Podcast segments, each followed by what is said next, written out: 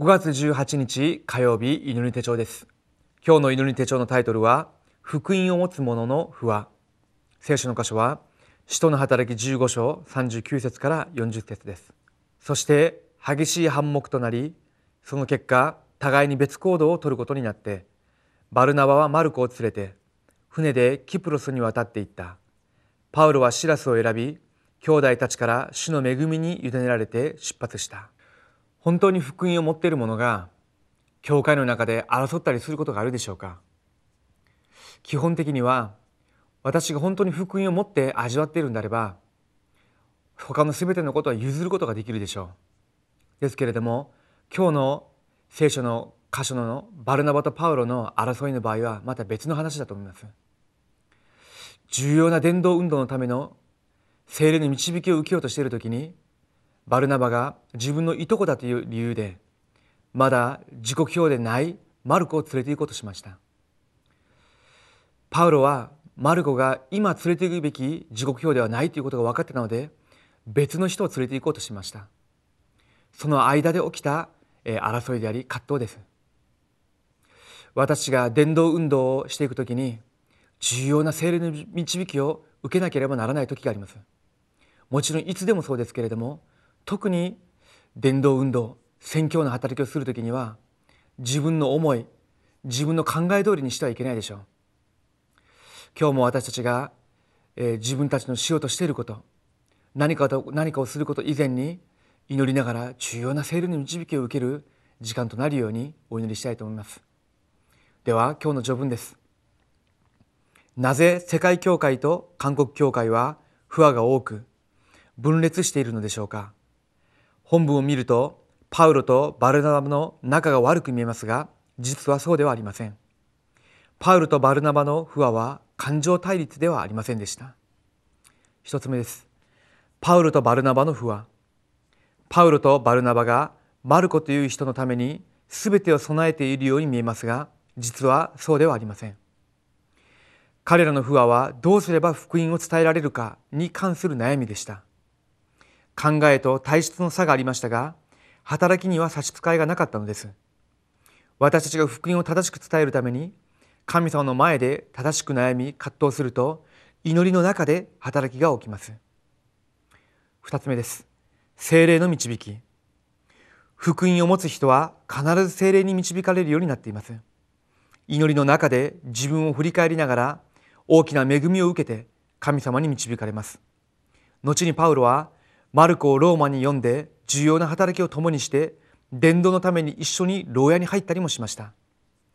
私たちが福音の進歩と伝道運動をするために葛藤するならば成功します。パウロは人を見る目弟子を見る目がありました。ですのでマルコがダメだということではなくてマルコの時刻表が今まだ来てないんじゃないのかそのことをよく見ていたということです。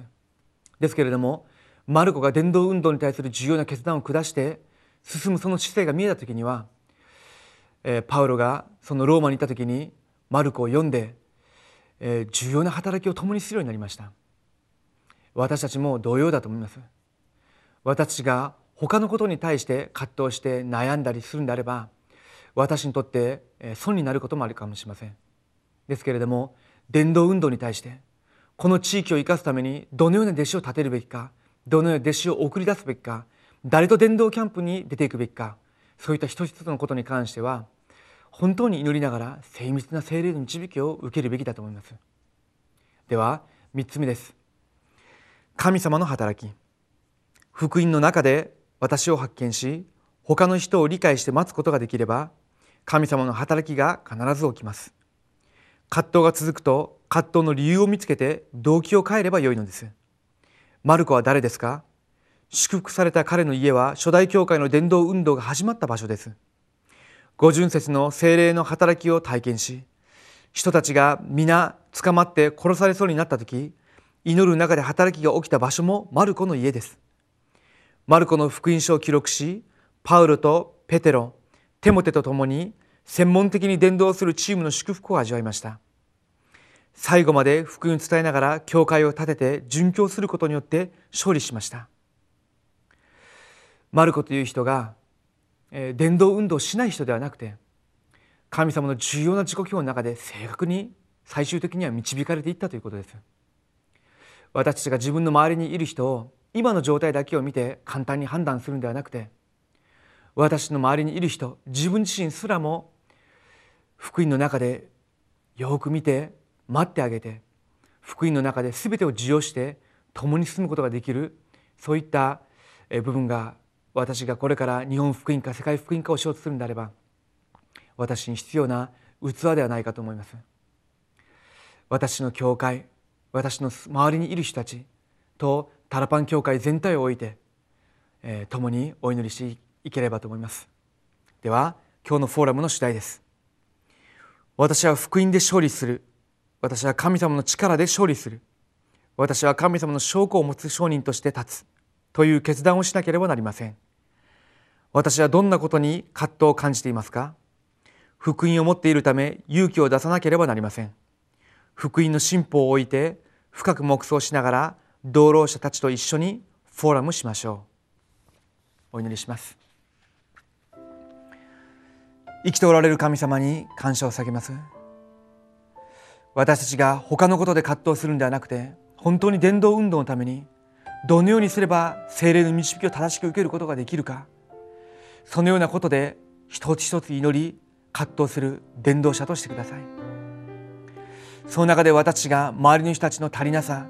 と周りの人たちの重要な地獄表一つ一つを見ながら人を裁くものではなくて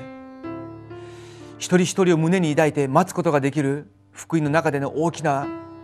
心を持つようにならしめてくださりパウロがマルコの自己表を正しく見て共に歩んだように私が日本の福音化世界福音化のために私の周りにいる多くの道路者たちと全ての教会を胸に抱いてワンネスとなって進むことができるように今私一人一人に精霊の導き精霊の力に預からせてください。生きておられるイエス・キリストの皆によってお祈りします。アーメン。